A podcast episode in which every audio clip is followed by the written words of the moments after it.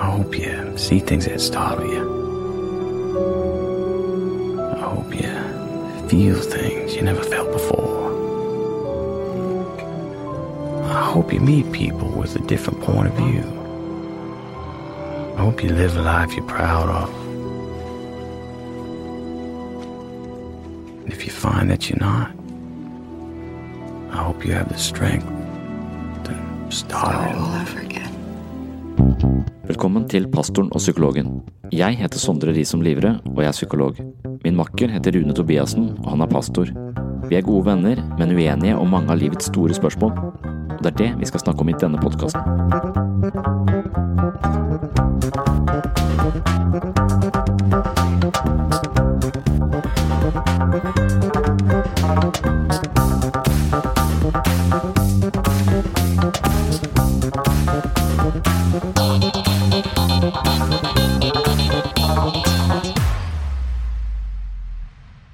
Denne gangen har vi vært på en folkehøyskole utenfor Kristiansand.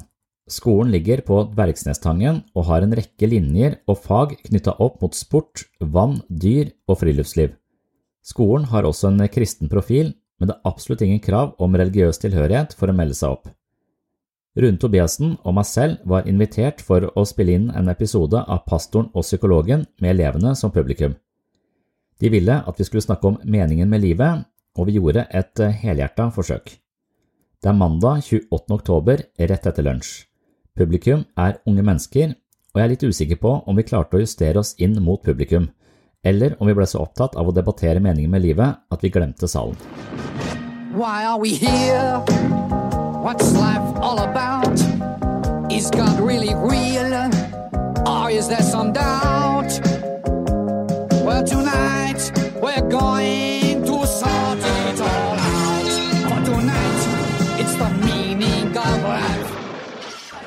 Ok, da tror jeg rett og slett vi begynner. Så bra at dere huska at vi skulle begynne halv ett, og ikke kvart på ett i dag. Veldig bra. Som jeg sa til morgenen i dag, så har vi fått besøk av eh, pastoren og psykologen. Det er altså Rune i mm, hvitt og blått, og så er det Sondre i blått. Eh, og de skal egentlig få lov til å introdusere både seg sjøl og det prosjektet de holder på med. Eh, dere vet jo at vi har et fag her på skolen som heter Framtid og håp, der vi av og til snakker om de små tingene, og av og til snakker om de store tingene i livet. Og Sondre og Rune de snakker ofte om de store tingene i livet. Eh, og det temaet de skal snakke om i dag, det er rett og slett hva er meninga med livet. Ser det ut som de ja, har noe teknisk de skal ha på plass. Men da kan egentlig dere to få lov å komme fram. Veldig glad for å ha dere her. Eh, ja, dere må gjerne gi dem en klapp. Det er fint.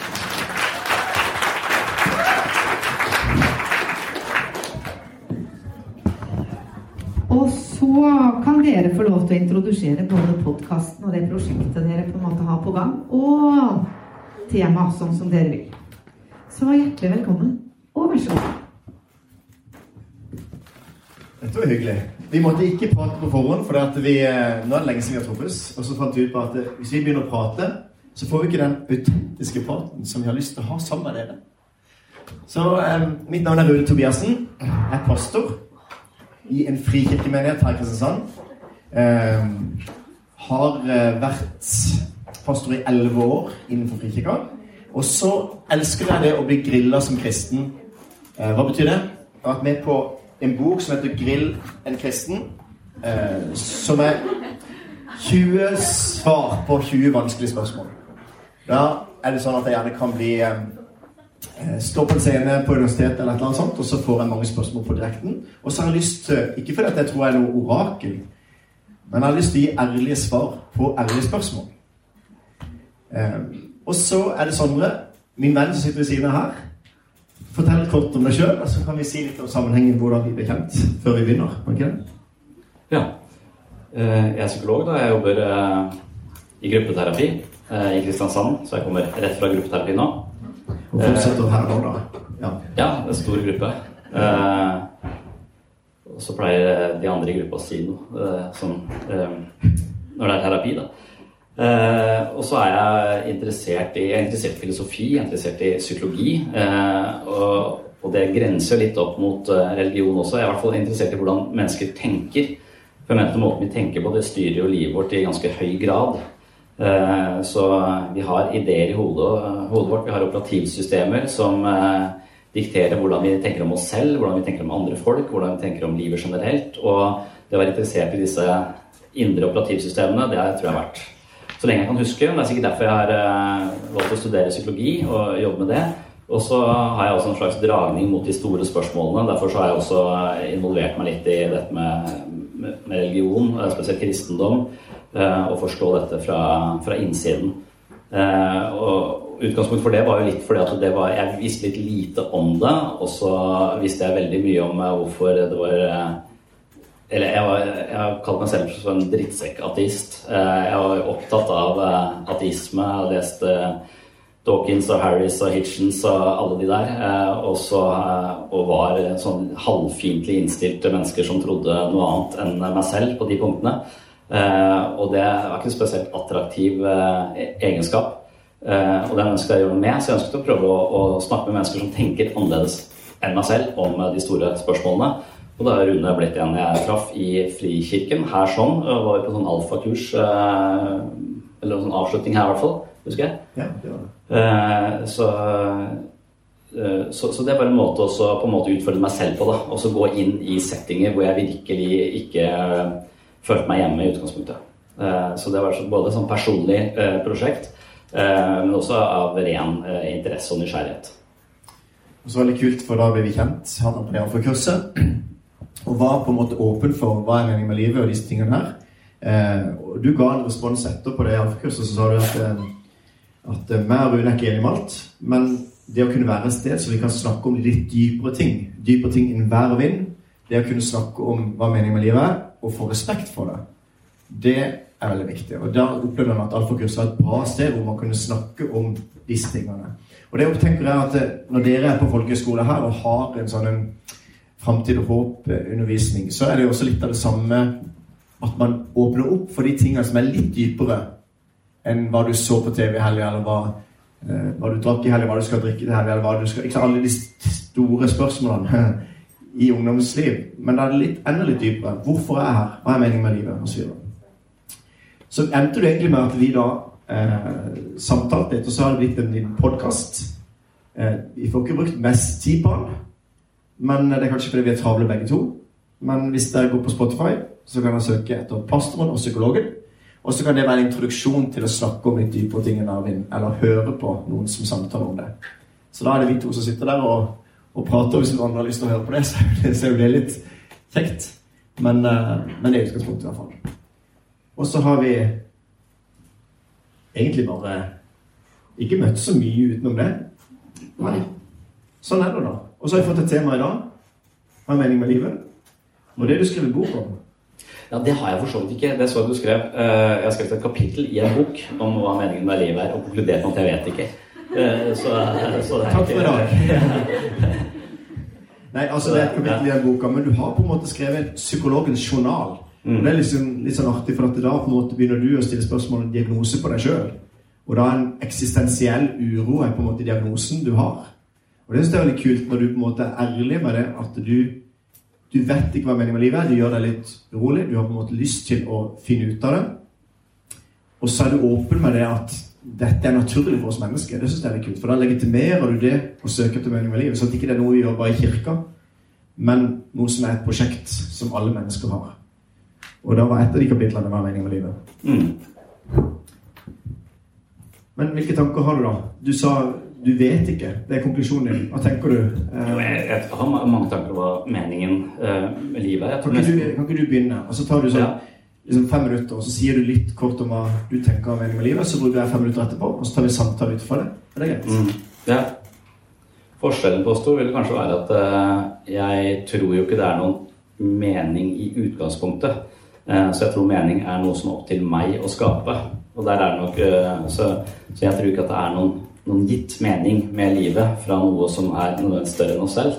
Det er vel sånn eh, Jeg kan si at jeg er agnostisk til det, men jeg, jeg tar det som utgangspunkt at det er mitt ansvar å skape mening i mitt liv, og det er mitt fordømte ansvar også.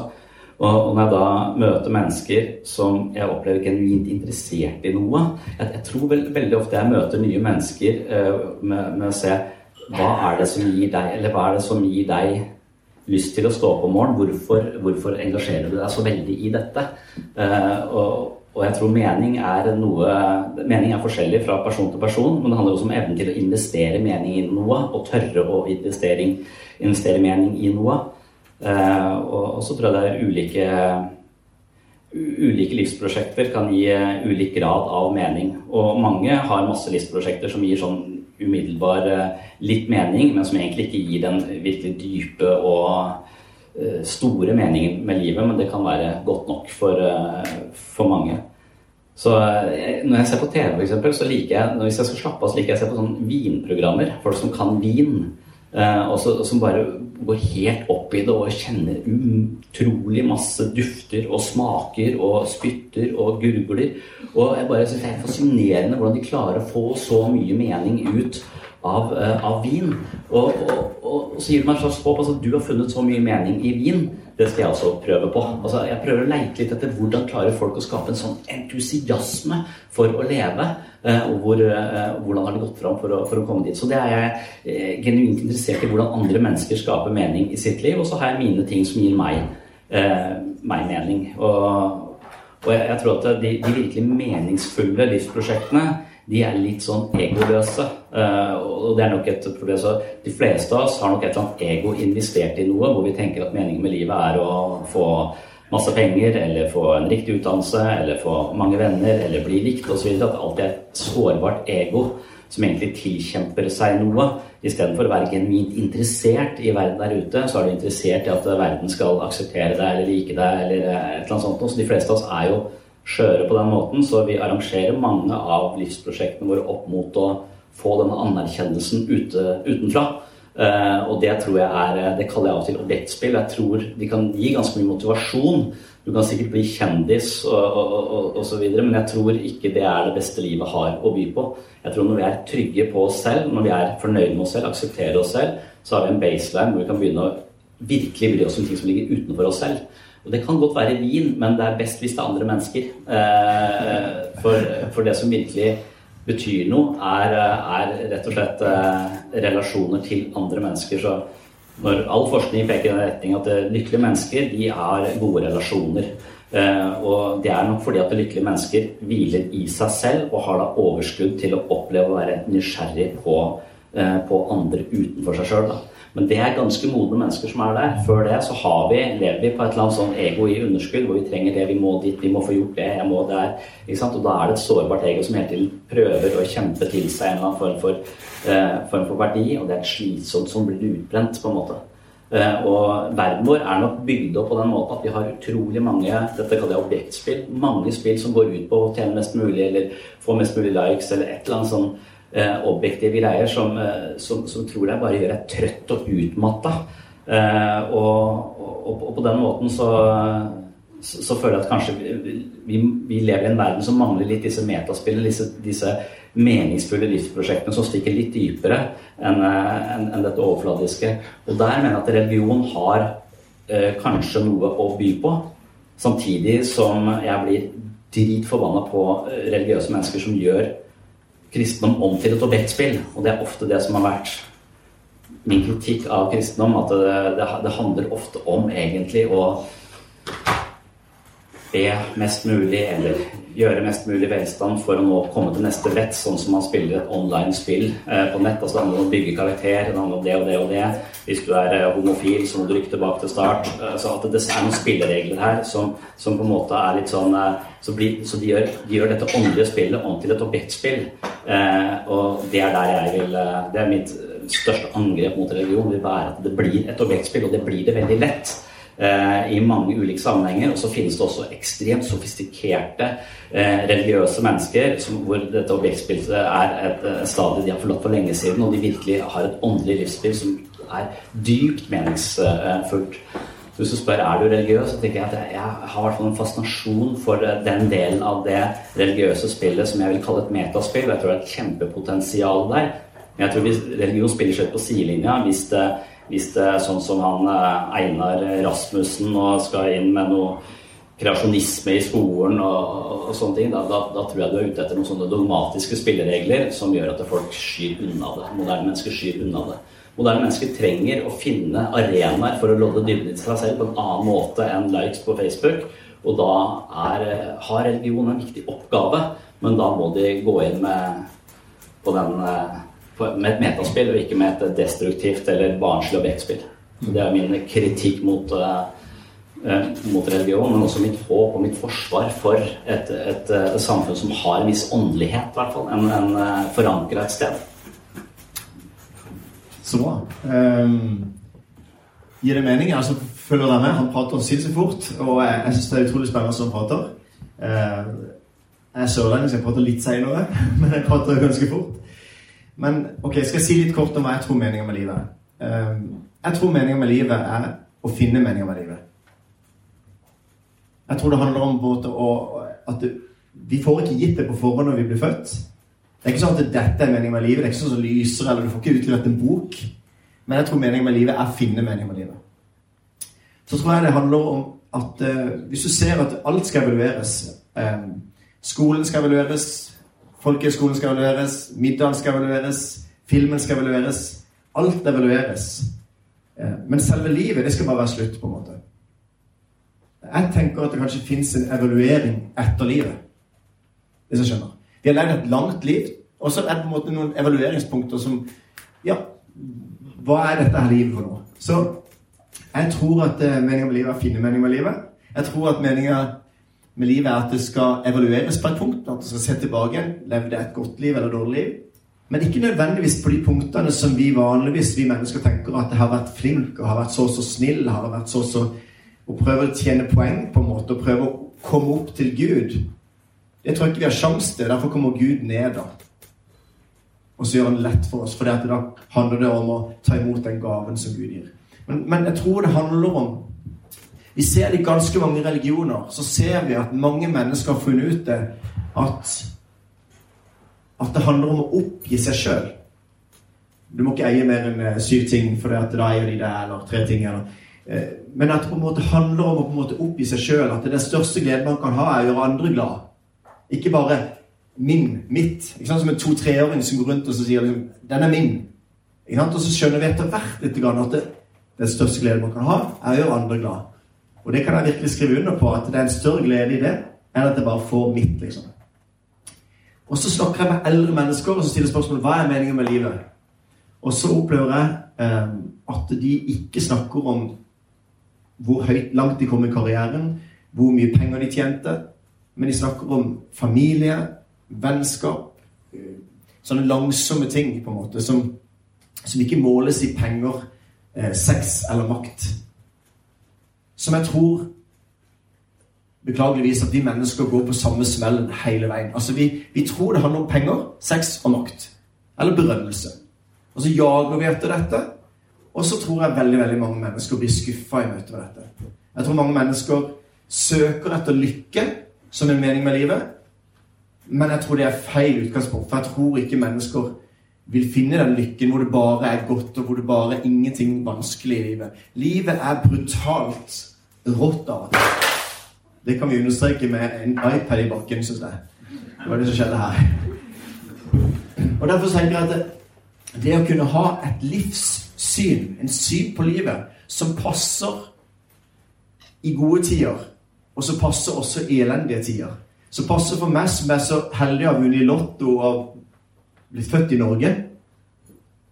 Og det handler om at det passer også for noen som er født kasteløse i India. Som på en måte er like verdifulle mennesker som meg. Eller for de som ikke er født engang. Som ikke kommer ut av mors liv engang. Som er akkurat like verdifullt. Ehm, så, så, for meg så handler det om mening handler om egentlig om å se at ikke det handler om meg. Men det handler om noe mye, mye større. At det handler om At jeg må få løfta blikket og få sett litt grann. Det er som at hvis jeg stiller spørsmål Eller det er en sånn liten parabel på det. En sånn Har du hørt den med to tvillinger som er i magen, og så stiller de spørsmålet Fins det et liv etter fødselen? Og så ligger de inne i mors liv, og så samtaler de. Fins det et liv etter fødselen? Nei, jeg tror ikke det. Vi har aldri sett noen komme tilbake igjen etter fødselen og fortelle oss. Har dere sett den? Ikke sant? Og så stiller spørsmålet tror du, tror du på mamma. Nei. Hvordan kan jeg tro på mamma? Kan du se mamma? Ikke sant? Og så har du en sånn samtale inni magen som jeg syns er litt sånn, litt sånn tankevekkende. Fins det et liv etter fødselen? Fins det et liv etter døden? Ja, det tror jeg. For at da gir det livet Hvis det fins et liv etter døden, så gir det livet før døden en mening. For av og til kan vi, når vi opplever det krevende dette livet, her, så kan vi oppleve at vi må kunne stille spørsmål også finnes et liv før døden. For av og til er det så brutalt, dette livet her, at jeg liksom har lyst til å si det. at Noen ganger så kan vi stille spørsmålet Fins det et liv før døden? Meningsfullt liv, i hvert fall. Så da er egentlig tanken min at hvis det fins et liv etter døden, så gir det livet før døden en mening. Og så er det ganske viktig for meg med den biten, hvis jeg skal avslutte med det, at um, hvis man ikke tror på Gud, uh, så har man per definisjon Da fins det ingen grunnleggende mening med livet. Men du må skape mening sjøl. Det fins ingen grunnleggende mening. Fordi at du er blitt til ved en tilfeldighet. Det er ikke noen som har på en måte villet at du skulle bli til. Så du er til ved en tilfeldighet. Det er bare by chance. Altså Det er revolusjonen som har gjort det. Du er her. Det er ikke noe hensikt med det. Du må bare finne en mening sjøl. Så det må du tro, som, hvis ikke du tror at det fins noe som er høyere. Men for meg, som da tenker at det er noe som er over dette, så får hvert enkelt menneske en uendelig verdi og blir verdifulle og får på en måte en mening selv om ikke de klarer å skape mening sjøl. Og Det er litt sentralt for meg. Så at det ikke skal bli vårt prosjekt med å skape mening. At jeg har vært så så flink til å skape mening. Hva med en fysisk eller psykisk utviklingshemma menneske som ikke har mulighet for å skape noe sjøl? Det å kunne si at den er like verdifull som, som noen som produserer masse, eh, det gjør at jeg tenker at meningen med livet er å få øynene vekk fra meg sjøl, løfte det opp og se at det handler om mye, mye større. Og da finner jeg meg sjøl. Skjønte, ja. Skjønte du det? Ja, mange ting er uenig i der. Eh, eller, for, eh, for det første så tenker jeg eh, Ta etter et punkt, da, så kan vi snakke om etter et punkt. Ja. Mm. Ikke ta 70 punkter. Men du, når du sier, du sier eh, finnes det et liv før døden? Dette er jo livet før døden. Ja. Ja. Tenker du livet før vi ble født? Nei, jeg tenkte bare fins et liv før døden, og både leke litt med ordene. For å si at av og til så er det meningsløst, vanskelig og tøft å leve her. Så derfor så sa jeg det på den måten der. Okay. Fins det Ja. egentlig et liv før døden? Er dette et liv? Kan det kalles et liv, det livet jeg lever? Ja. Så det var liksom bare å leke litt med ordene. Ja. Mm. Men ikke før eh, vi ble født, altså. Men det var også den Jeg, jeg miksa litt her, for jeg snakker også om disse tvillingene som har en sånn parabola. Ja, ja, så derfor så skjønner jeg at det er forvirrende. Jeg tror ikke at fosteret kan prate, da. Eh, Derfor så funka ikke Du skjønte at ikke jeg heller trodde det? Ja. Ja. Eh, mm. Eh, Da var vi enige, da. Det var helt synd. Ja. Uh, nei, jeg, jeg, jeg har jo selv gått ut med at jeg syns at døden kanskje er litt sånn uh, stress. og og ikke nødvendigvis så begeistra for konseptet. Men etter hvert som du dykker inn i det, så blir jeg mer og mer begeistra for konseptet. Eh, for jeg hører at eksistensfilosofer og sånn sier at eh, døden er rammen rundt livet. Uten døden så blir livet meningsløst. Eh, og det begynner jeg å tenke at det stemmer. Eh, spesielt etter at jeg har sett Black Mirror, så skjønner jeg at det å leve evig er det verste som kan skje. Eh, for noen. Altså Det kan sikkert være hyggelig en stund, kanskje to, tre, fire, fem, seks hundre år, men så plutselig så havner vi i et eller annet eh, ja, Black Mirror leker jo hele tiden med dette tidskonseptet eh, vårt og en idé om at la oss si vi kan laste opp vår egen bevissthet til silikon og leve evig. Som når vi drømmer, så, så får vi jo virkelige scenarioer som om vi er i virkelige scenarioer, men vi ligger likevel i en seng. Så la oss si at bevisstheten vår kan lastes opp, og vi kan leve i en slags eh, virkelighet eh, som er eh, på en måte kunstig, men som likevel har denne Vi er der, og vi er bevisstheten vår der, og vi opplever at vi lever i denne virkeligheten. Eh, mens eh, i en sånn verden så kan du ikke dø. Eh, så risikerer du å havne Men du føler alt. Altså, så du risikerer å havne i et eller annet jordskred og ikke få puste i all evighet. Så etter å ha sett disse Black Mirror-episodene, så får jeg nesten lyst til å eh, ta livet mitt, sånn at, jeg, uh, sånn at jeg kommer denne eviglivspotensialet som transhumanistene tror på, i forkjøpet. Så, nå, skal jeg nå skal jeg forte meg å dø, sånn at jeg slipper å leve evig. Um, så, eh, så, så, men så skjønner jeg at livet blir veldig Hvis alt var bare evig, eh, så ville, det, så ville prokrastinering bli et uh, kjempeproblem. Altså, jeg hadde ikke giddet å malt garasjen før til neste århundre. Eller, eller sånn. så, så, dette uendelige perspektivet, altså at ting får sånn verdi fordi det er kostbart uh, for meg.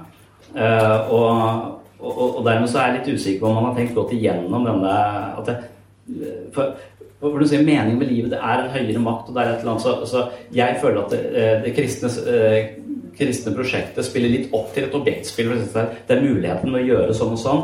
Eh, spille spillet sånn og sånn, så har du muligheten til et, å komme til et nytt brett. Eller du har muligheten til å komme et skikkelig varmt sted, som noen som tror. Et skikkelig dårlig sted.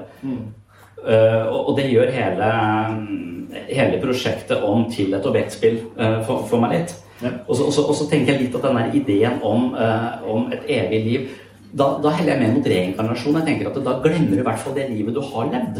Sånn at du begynner litt på nytt. For, for hvis du har med deg en slags ego, hvis jeg har med mitt eget ego inn i en ny tilværelse, min egen hukommelse, min egen meg, som bare skal leve nå videre Selv om det er veldig hyggelig, og sånn der, så blir, hyggelig syns jeg er kjedelig. Uh, altså jeg trives jo ikke når ting er for hyggelig, liksom. Da syns jeg jo uh, Ja, det, det, jeg, jeg jo syns at altfor store tekopper og veldig mye hyggelig er litt sånn blir klamt. Uh, så, så, så, for meg så, Men da sier folk ja, har du misforstått. Det er ikke det, vi, vi kan ikke forestille oss med vår, vår menneskelige forstand hvordan et sånt liv vil være. Og da er jeg mer med på notene. ok, Da er det noe så abstrakt at vi kan ikke sette ord på det. Men likevel så er det det eh, kristne ofte gjør. De setter ord på det. Når Jehovas vitne kommer på døra, så er det det som er eh, salgstrikset deres. Eh, det, er, det er der de Ja, men vil du ikke leve eh, evig? Så, Nei, har du sett Black Mirror? Det er helt jævlig. Eh, selv om dere har de 144 000 som skal passe på dette, det kan gå til helvete. Det kommer til å gjøre det. Det kommer til å bli vanskelig, det kommer til å bli krig. Det blir bare fortsette av dette her i all evighet. Er du sikker på at du orker det? Og jeg har også sett Black Mirror. Og, eh, og jeg vil heller ikke leve evig på den måten der. Og det tror jeg handler nettopp om det at vi på en måte tar vår tanke inn i noe og skal prøve å forstå det. Eh, Et vanlig bilde innenfor kristen sammenheng det er at hvis du på en måte stiller spørsmål Du er ikke med på dette her egentlig med å stille spørsmål til enten at tvillingene kan prate inn i fosteret, men det er tenkt scenario dette her. Hvis du hadde stilt spørsmålet til en larve som kryper rundt på et kålblad og drømmer om en himmel, så drømmer han om en himmel full av kål. Og så tenker han tenk en himmel, bare masse kål, aldri vondt i magen. Bare kose seg på kålblad i en hel evighet. Kjempebra. Og så skjer det noe som ser ut som en død, eller et puppestadie, hvor på en måte blir sånn hylse rundt en sånn puppe rundt stemmelarven. larven. Og så skjer det en transformasjon inni den, hvor alt bare blir flytende. Og så ut av denne puppa så kommer det en sommerfugl. Og hvis du da snakker om, om sommerfuglen, om den er veldig mye opptatt av kål så tror ikke jeg at det er så veldig interessant for samfunnet. Da er det noe helt annet. Da flyr han. Det er en helt ny tilværelse. Men for å kunne forstå den tilværelsen, så må du snakke til larven som at himmelen er full av kål. Er du med på bildet? På samme måte så tenker jeg at jeg klarer ikke å forstå hvordan det er på den nye himmelen nye jord. Hvor det var sånn opprinnelig som Gud har tenkt det. Men for at jeg skal kunne forstå det, så blir det snakka i Bibelen om gater av gull og perleport og sånn. Jeg tror ikke vi skal gå på gater av gull, men jeg tror det er det fineste vi kan tenke oss. Derfor blir det snakka om. Det samme med det motsatte stedet som du snakker om. Jeg tror bare det handler om at Gud gir en mulighet til å si at mennesket skal få et valg om de vil være sammen med eller ikke. Og da er det egentlig bare sånn at Gud trekker seg vekk fra et område hvor sier at der hvor Gud ikke er eh, Så det er et valg, et alternativ til Gud. Og der Gud ikke er, det må være et helvete. Så egentlig så handler det mer om at, at eh, vi klarer ikke å forstå hvordan det er. Når mennesket på en måte spiste av treet i Edens hage, på en måte fant ut at det fikk kunnskapen om godt og ondt, så sa Gud sånn som dere lever nå Jeg anbefaler ikke at dere lever sånn evig, for dette er et krevende og tøft liv. Dere må dø. Så Derfor så tror ikke jeg at dette er det beste livet Gud kunne komme opp med. Men jeg tror det er det eneste livet for å få det beste livet. Derfor ser jeg faktisk dette livet her som en forberedelse til det virkelige liv.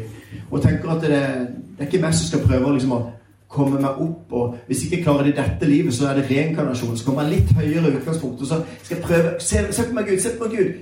Jeg vil aldri klare det. Og Derfor så syns jeg det er utrolig fint å se at hvis jeg er oppe i rettigheter til meg sjøl, så har jeg det allerede.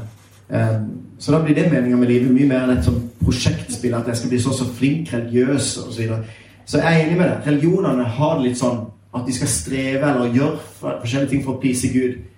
Men kristen tro handler egentlig bare om at Gud har gjort alt for meg. Og så handler det om å ta imot den gaven. Er du med på det? Kan ikke du bare si amen, halleluja til det? Ja, det var flott. Nei, men jeg, jeg syns at det er det som skjer når vi snakker at man skifter nivå uh, i For at jeg vil jo da si Mitt utgangspunkt er at hva skjer når du dør? Det er ingen som veit. Og, og, og, og, hvis vi, og, hvis vi da begynner å snakke om det som om vi tror at vi vet det, så, så gir ikke det mening. Så, så, hvis det er såpass abstrakt at det er langt utenfor vår fatteevne, så, så, så, er det helt ok for meg. Jeg kan være agnostisk til hva som skjer eh, når jeg, jeg, dør. Jeg kan tenke at um, kanskje bevissthet er en eller annen sånn grunnstoff som er ikke-materielt, og så kanskje jeg ligner en panteist. Jeg tror at det er en bevissthet i alt som lever, og den bare endrer form. Eh, på en måte. Så du og meg er Gud, egentlig? Og stolen og alt er likt? Det er bare mot alt det deler den samme guddommen? Ja, det, men eh, panteisme har andre sånne eh, litt snodige mm, implikasjoner. Men, men, men, jeg mener det kan vi heller ikke helt eh, dypest sett vite. Og når vi snakker om det, et liv etter døden, så blir det veldig fort en sånn ting som vi skal klare. Det blir også dette med evaluere. Altså, jeg tror de virkelig meningsfulle spillene eh, dukker opp når vi ikke evaluerer det. Altså Et sånt selvhjelpstips handler om å gjøre noe for andre uten å si det til noen. Og så Hva er greia med ikke si det til noen? Jo, for at hver gang du sier det til noen, så driver du fòrer dette egoet i underskudd, som trenger mer og mer av denne anerkjennelsen. Du gjør noe for noen andre uten å si det til noen. Altså Hvis du kommer dit, hvis du gjør det av genuin og, og, sånn har jeg det med noen ting. Jeg har det med sjakk. Altså, Jeg har ingen ambisjoner om å bli veldig eh, god i sjakk eller hevde meg der. Men jeg har enorm fascinasjon for det spillet. Eh, og jeg forsvinner selv. Jeg er til stede i no, noe annet. Litt på samme måte har jeg det når jeg jobber med mennesker. altså at jeg, Når jeg sitter i gruppeterapi, så, så er jeg ikke til stede jeg, jeg, glemmer alt. Jeg bare er til stede, dypt og inderlig engasjert i noe annet enn meg selv. Eh, og det syns jeg er, eh, er, enormt fascinerende. Men med en gang jeg gjør det for å at de skal like meg, mm. eller for at de skal oppleie meg som en god psykolog. Med en gang egoet mitt begynner å blande seg inn, så er jeg på et objekt, eh, objektspill. Så, så, når du da eh, hele tiden, når, når, man snakker om dette, denne belønningen der framme Jeg syns det er så mange elementer i religion som er så bra, for de har på en måte systematisert det å hjelpe andre, være oppmerksom på andre osv. Jeg tror det er lurt. Jeg tror det er lurt å trene på. Jeg tror ikke det kommer av seg sjøl. Jeg tror vi er ganske grunnleggende sårbare. Vi er ganske redde. Og når vi er redde, så kan vi ikke være nysgjerrige på noen andre enn oss selv. Vi må være på en måte helt tiden på vakt. Vi, blir vi likt, blir vi ikke likt? Altså, vi er et sånt underskuddsprosjekt. Så det å systematisere dette inn i de store visdomstradisjonene, at man rett og slett kultiverer det å tenke på andre mennesker, så er det helt perfekt. Så det er kjempe, psykologisk sett kjempelurt. Men så, så, blir det det der at du blander inn disse og mener å måtte vite noe om den empiriske virkeligheten. At jomfrufødsel fins, den skal hele tiden si noe. Uh, om det, den, det åndelighet ikke burde uttale seg om. Åndelighet burde ikke ha noe uh, med uh, hvorvidt folk kan gå på vannet. altså Folk kan ikke gå på vannet og ikke blande det inn i, eh, i det åndelige prosjektet. og Dermed så bør det bli såpass abstrakt. Men jeg kan godt tenke meg at man kunne hatt dette eh, mer konkret for unge mennesker. Og etter hvert så måtte du kunne vokse opp sånn at hele, hele Gud blir bare fra å være en mann med hvitt skjegg, eh, så blir han til, slutt noe som det er helt umulig å sette ord på, men noe som er mer en slags eh, holdning eller eh, følelse for noe som er større enn deg selv. For at man kan vokse inn i det. Men så syns jo jeg at Abrahamsreligionen er litt barnslige. Sant? Altså, de har mange av disse eh, Jeg mistenker at han derre sånn som han Einar Rasmussen og han derre milliardæren i Kristiansand som spytter 15 millioner eh, kroner inn eh, i et prosjekt som heter Biokosmos, som skal fremme kunst, eller intelligent design som en sånn kreasjonistidé om skapelsesberetningen. Og det er for meg vitenskapsfiendtlig, men jeg tror det er at kristne har generelt sett ikke vært så begeistra for evolusjon. For det evolusjon, akkurat som hele den kristne ideen er bygd opp på at Adam og Eva syndet i Edens hage. Og idet vi eh, er syndige Det må være de to første menneskene som syndet, for så kan vi bli frelst. Eh, fra synd, og så kan Jesus komme inn og gjøre dette for oss. Så hele ideen er bygd opp at det finnes to eh, mennesker som var først. Og så sier evolusjonslæreren at det finnes aldri noen første menneske. Og så hvis du bare går tilbake igjen, så ser du at tipp, tipp, tipp 185 millioner oldefaren din var en fisk. Eh, så dette mennesket har aldri har aldri dukket opp. Men det, det skaker ved disse litt barnslige religiøse fortellingene som folk tror på bokstavelig. ikke sant? Og dermed så pumper de vitenskapsfiendtlige millioner eh, for å eh, prøve å overbevise unge mennesker eh, om at kreosjonisme er en bedre idé enn evolusjon. Og Det er så mange sånne eksempler på at dette spillet blir for primitivt. Ja. For Jeg er ikke enig i det som han Rasmussen gjør her. For eksempel. altså, det er fint å kunne vise at det står en gud bak. Men samtidig så tror jeg også på at det kan finnes en teistisk evolusjon. Men det at jeg tror på en evolusjon som bare skal være til ved seg sjøl, at det er noe som går framover uten noen hensikt bak, at det bare ble sånn fordi at Det tror ikke jeg på. Jeg tror på en teistisk evolusjon. At det ledes hen, og at det er en mening med dette livet. At det er, Derfor det var for 13,8 milliarder år siden at Big Bang skjedde, ikke noe problem for meg som kristen å tro det. Men at det er noen hensikt, at det er på en måte en utvikling, det tror jeg på. Og Derfor tenker jeg at Hvis du på en måte sier det, setter det inn som barnslig, så må du også se at du leser inn med 2019-briller inn i en helt annen kultur. Når Bibelen for eksempel, og skapsberetningen er skrevet ned for 3500 år siden, så kan vi ikke lese inn med 2019-briller inn og si at dette er barnslig. Da må vi se at dette er hensikten med, med skapsfortellinga. Er ikke å fortelle hvordan det skjedde, for det er vitenskapen skal gjøre. Men hvorfor, og hvem som står bak. Og Hvis vi kan lese Bibelen som på den måten der, så blir det ikke vitenskapsfiendtlig. Vitenskapen er vokst fram i kristen sammenheng fordi at man ønsker å finne ut av hvordan ting henger sammen. Så jeg tror på Gud, og jeg tror på vitenskap. Og det er ikke motsetning. Det motsatte av å tro på Gud, det er å ikke tro på Gud. Og hvis du ikke tror på Gud, så må du tro at alt er til ved tilfeldighet. Så må du tro at det ikke er noen hensikt med at du er der. Da må du bare skape mening sjøl. Du må tro at du ikke har noen verdi noe mer enn et annet dyr. Du må og så videre. Og det er det som er motsatt av Gud. Det er ikke vitenskap, og det er en blemme som du òg vet at det, det, må vi ikke kjøre inn på et spor, for det er ikke riktig. Men at noen andre kristne kan ta det til inntekt og si at sånn og sånn må det være, det kan ikke jeg stå ansvarlig for. Jeg kan ikke stå ansvarlig for alt det de kristne gjør. Vi har også snakka i podkasten ja. om noen som begge to vi er veldig enige om at Vi er veldig uenige i hvordan noen kristne oppfører seg. Og der er vi veldig enige. Men poenget er at jeg utfordrer heller folk til å se, se, på Gud heller, ikke se på oss kristne, for vi driter oss hele tida. Se på Gud. Det er mye mye bedre å forholde seg til Han hvis Og da må du bruke litt tid og se om det er troverdig. Hvis ikke det er troverdig, så, troverdig, så, så bare la det gå. Men bruk litt tid til å finne ut av det. da.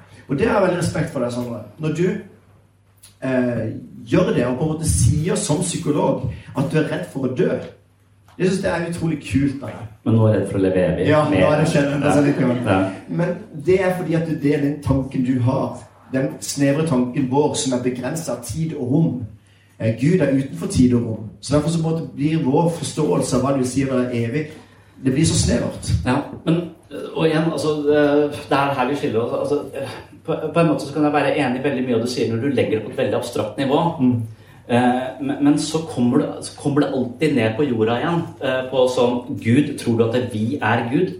Ja.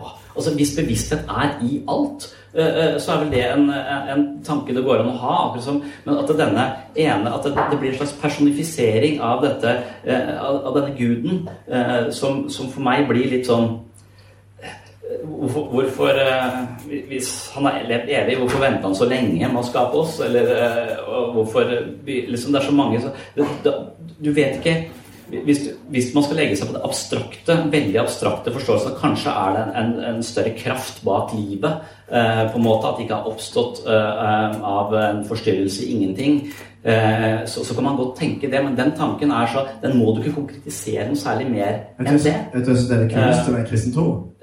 Det er at Gud er konkretisert i et menneske.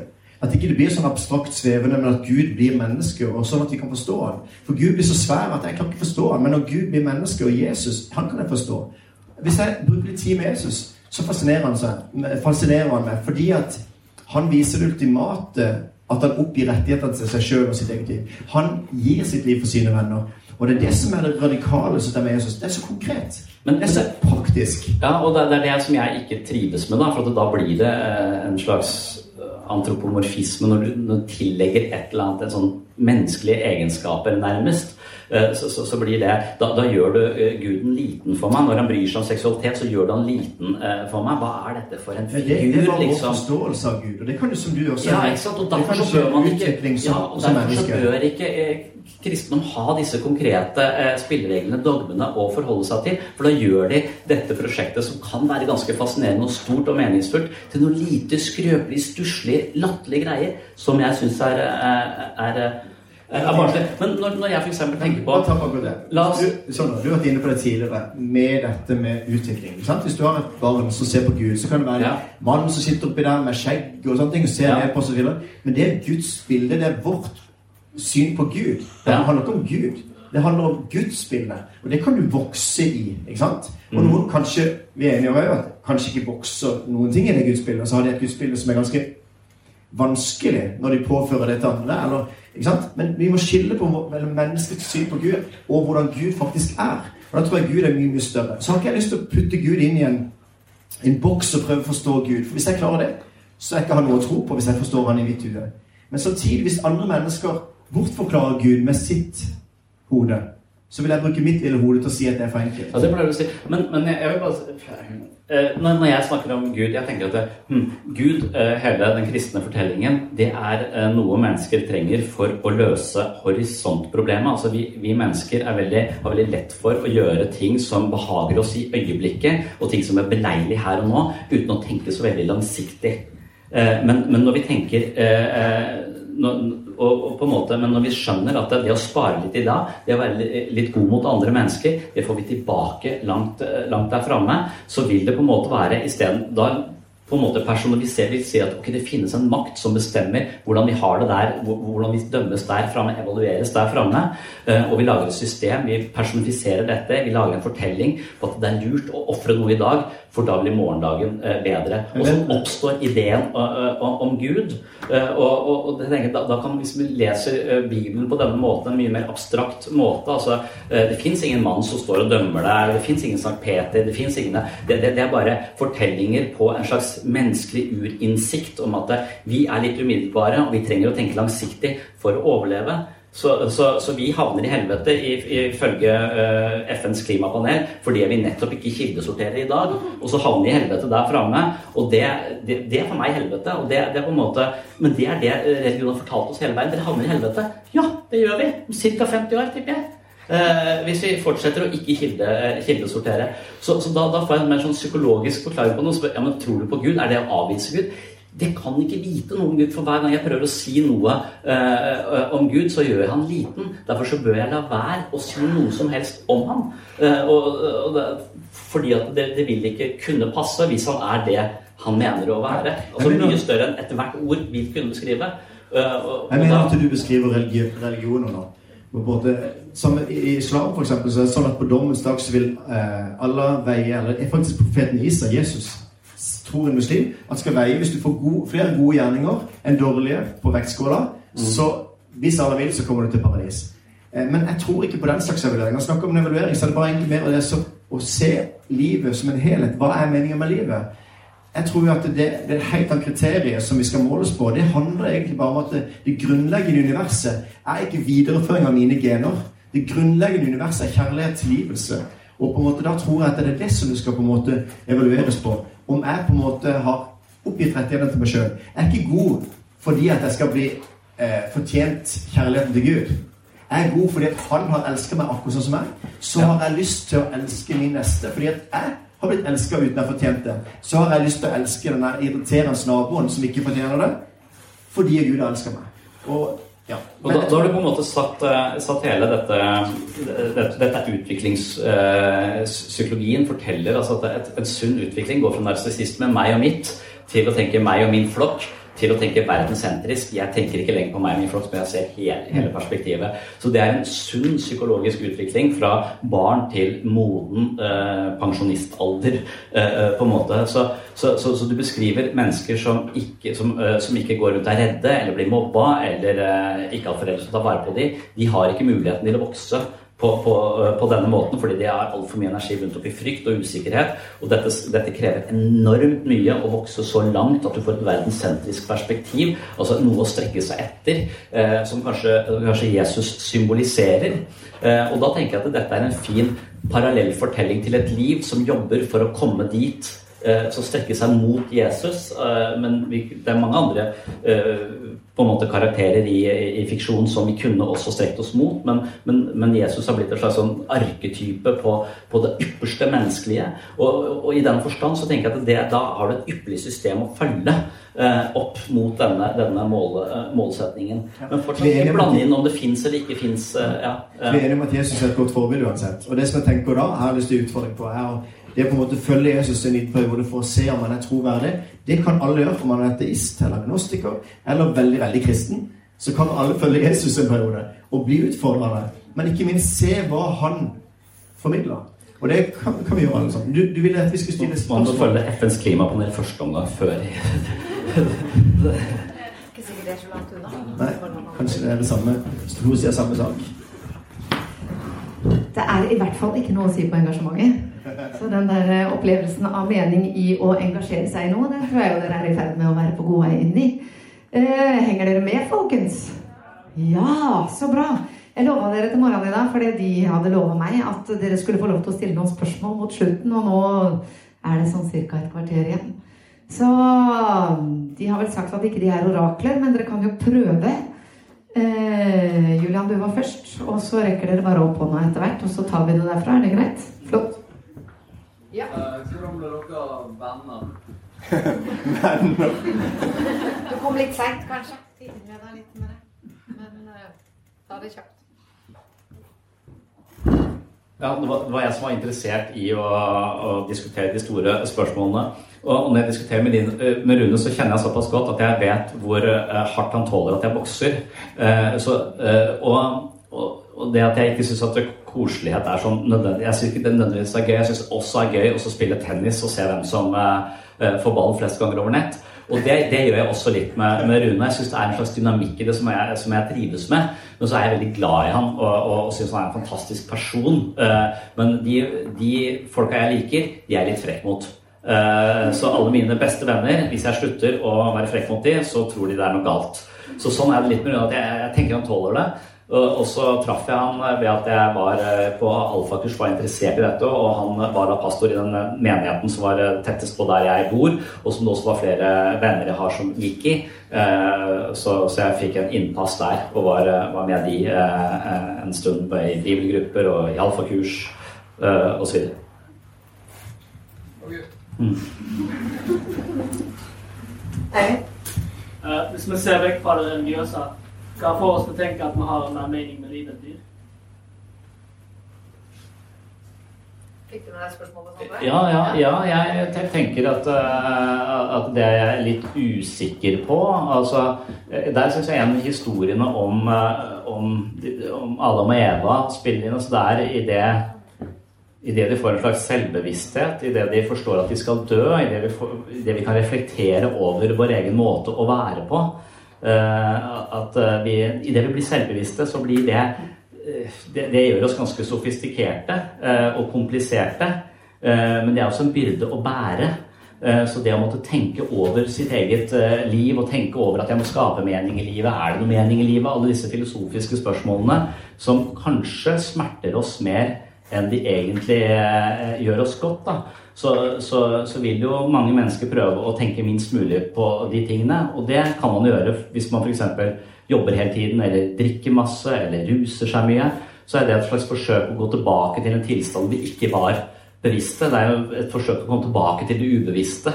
Eh, og, og Jung mener at det er, det er en mulighet. altså Du kan, du kan drikke deg sanseløs hver dag, så slipper du å tenke så mye på det. Eller eh, så kan du bare dyrke denne bevisstheten og komme til bunns i det og lodde dybden og gå til de mørkeste stedene i menneskesinnet for å, for å bli opplyst. da. Men så mener Jung at de fleste av oss gjør ikke det. Vi, ikke så, vi bruker ikke denne bevisstheten. Vi bruker mest energi på å bare komme oss, komme oss vekk fra det. Men det vi også driver med, er jo å prøve Vi har blitt så opptatt av mindfulness og meditasjon, som nettopp handler om at vi er til stede her og nå, og, og er genuint, og når tid og sted på en måte bare forsvinner, du bare er. Så det kan hende, hvis vi ikke hadde hatt denne ideen og denne filosofiske måten å tenke på dette narrativet som går og snakker til deg, jeg er ikke bra nok, jeg er bra nok, bla, bla, bla, dette, dette selve som snakker til oss Når vi bare er til stede her og nå, så har vi det ofte best når vi er i flyt.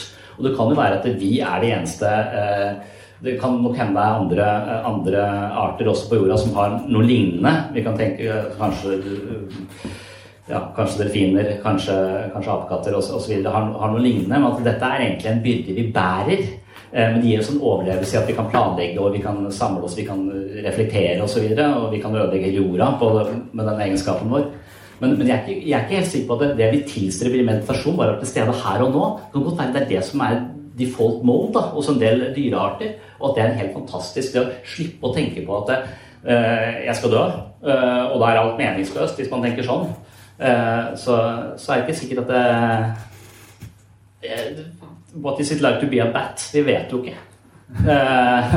Men jeg tenker litt sånn i forhold til det at det som skiller oss fra dyrene, det er at mennesket på gresk heter antropos, en som ser oppover.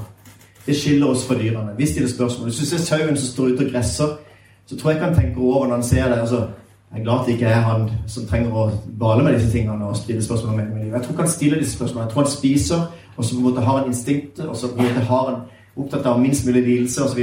Men sauen på en måte stiller ikke disse spørsmålene. Det skiller oss fra dyrene. Og Derfor så har vi på en måte eh, et privilegium, og det gir Bibelen en legitimitet for. At vi er satt over dyrene til å forvalte skaperverket. Vi skal ta oss av dyrene. Dyrene er skapt av Gud, og vi skal behandle dyrene veldig veldig bra. Men det er forskjell på mennesket at de er skapt i Guds bilde. De er skapt lik Gud på mange måter. De er skapt kreative på samme måte som Gud skaper.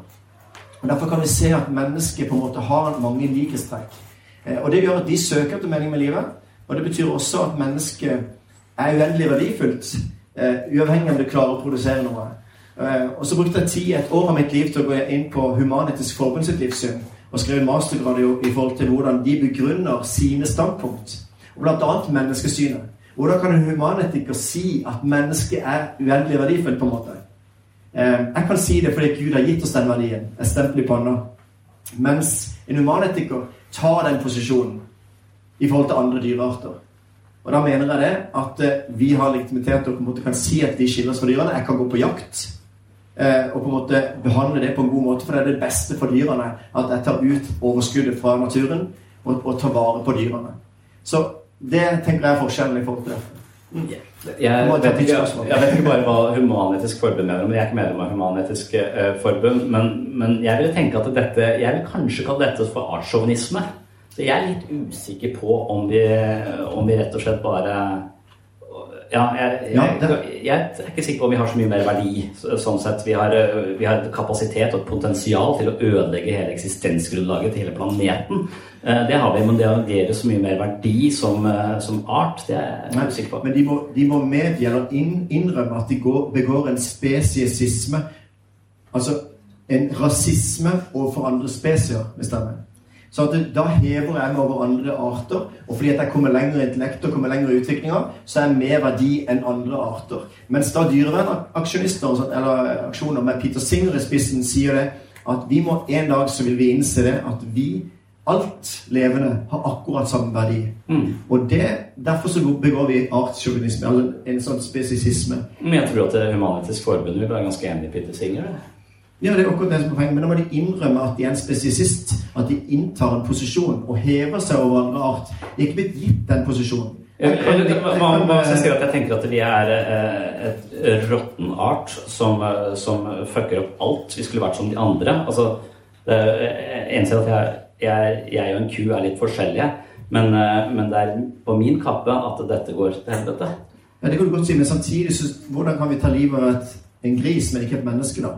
Hvis vi egentlig så vil dyrevernet Jeg er på om vi egentlig kan ta Jeg tror at hvis vi, hvis vi, virkelig innser hva vi gjør når vi tar livet av en gris, så er vi en egen psykopater alle sammen. Men vi har ikke helt på en måte den uh, Ja, men Spiser du kjøtt? Uh, ja, jeg er psykopat. Dyrepsykopat. Nei, jeg prøver å spise minst mulig kjøtt. Jeg blir mer og mer bevisst, uh, bevisst ja, på det. Så, og vi spiser, vi tar livet av også i, i, i planteriket. da. Altså på en måte Poenget er at det er umulig hvis det er liv som på en måte definerer hva som er verdi, så er det vanskelig. Mens jeg kan på en måte ha legitimitet. da. Er blitt gitt et mandat og har på en måte en posisjon. Det er ikke meg som inntar den posisjonen, men det er blitt gitt den verdien. Ja, men du, da bare gjengir du en artssjåvinisme som du har fra en annen. Altså, det er du som er eh, Ja, artsrasisten her. Ja, det kan du godt si, men, men poenget er at det er blitt gitt ifra Gud. Hvis Gud fins, Ja. så har en veldig legitim grunn, og da har jeg på en måte en uendelig verdi. Det er ganske forskjell fra å ta den posisjonen sjøl. Skal vi ha ett spørsmål til? Ja, det må være kjapt et. Hvor finner vi podkasten? Ja, det var et godt spørsmål. For de som ikke syns dere har fått nok, nok nå, så må dere bare høre på dem på podkast. Og den finner de hvor, sa du? iTunes, vil jeg si. Spotify, vil jeg si. Ok. Ja, begge deler. YouTube eller Spotify der, altså. Men ellers har jeg lyst til å bare utfordre deg litt på det at det, det som er gøy med sånne samtaler, og som, som Sondre sier her, det, jeg syns det er kjempespennende. Sondre har lært meg utrolig mye. Synes det er kjempespennende å samtale med ham. Og hvis vi har respekt Husk at toleranse ikke handler om at de skal være, ha lik mening, men det handler om respekt for hverandres ståsted og lytte til hverandre. Og det er en fin arena å gjøre her på folkeskolen. Utfolde sitt eget ståsted litt. Hva, hva mener jeg? Hva tror jeg på? Og så da kunne våge å følge etter Jesus litt og se om han er troverdig. Så det har jeg lyst til å utfordre deg til her på folkeskolen. Det var en bra avslutning. Det er en utfordring vi tar med oss. Dette driver vi jo med stadig vekk. Ja. Både i faste rammer, men det må dere jo veldig gjerne gjøre sånn uformelt òg. Ta med dere det dere har hørt nå, og prate med hverandre om det. Så blir dere enda litt klokere. Og mer bevisst på dere sjøl. Så tusen takk for at dere kom.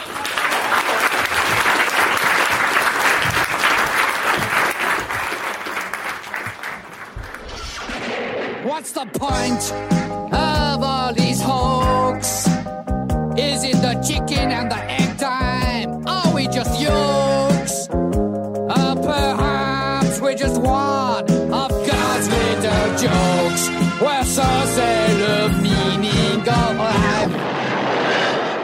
Is life just a game where we make up the rules while we're searching for something to say?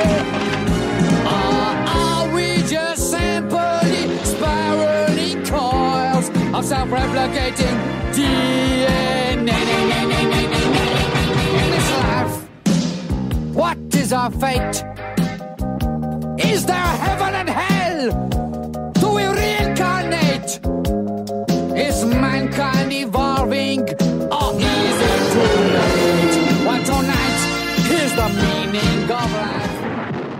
Takk for at du hørte på Pastoren og psykologen. Takk til Kristiansand folkehøgskole og Hilde Grote som inviterte oss og introduserte oss.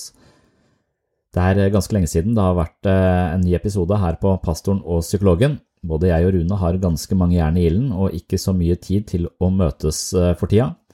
Vi har et par eh, arrangementer vi skal eh, delta på som vi sannsynligvis kommer til å ta opp og legge ut her på podkasten. Og utover det så har vi vel ambisjoner om å møtes litt eh, innimellom for noen nye samtaler. Kanskje vi skal eh, få med noen gjester. Eh, Denne podkastens framtid er vi i ferd med å på en måte, Vi diskuterer det. Vi litt, begge to har vel litt lyst til at vi skal få fortsette dette på en eller annen måte, men vi er litt uh, usikre på uh, formen og hyppigheten uh, i, på episodefronten her. Så det kommer vi tilbake til, men eh, det kommer i hvert fall en del, eh, eller i hvert fall en eller to episoder nå, i, om ikke så altfor lenge, som eh, er hentet da fra ulike arrangementer som vi er invitert til. Så stay tuned for det i hvert fall, og på gjenhør. but it has done things to your soul. Your soul. Nothing. Nothing whatever.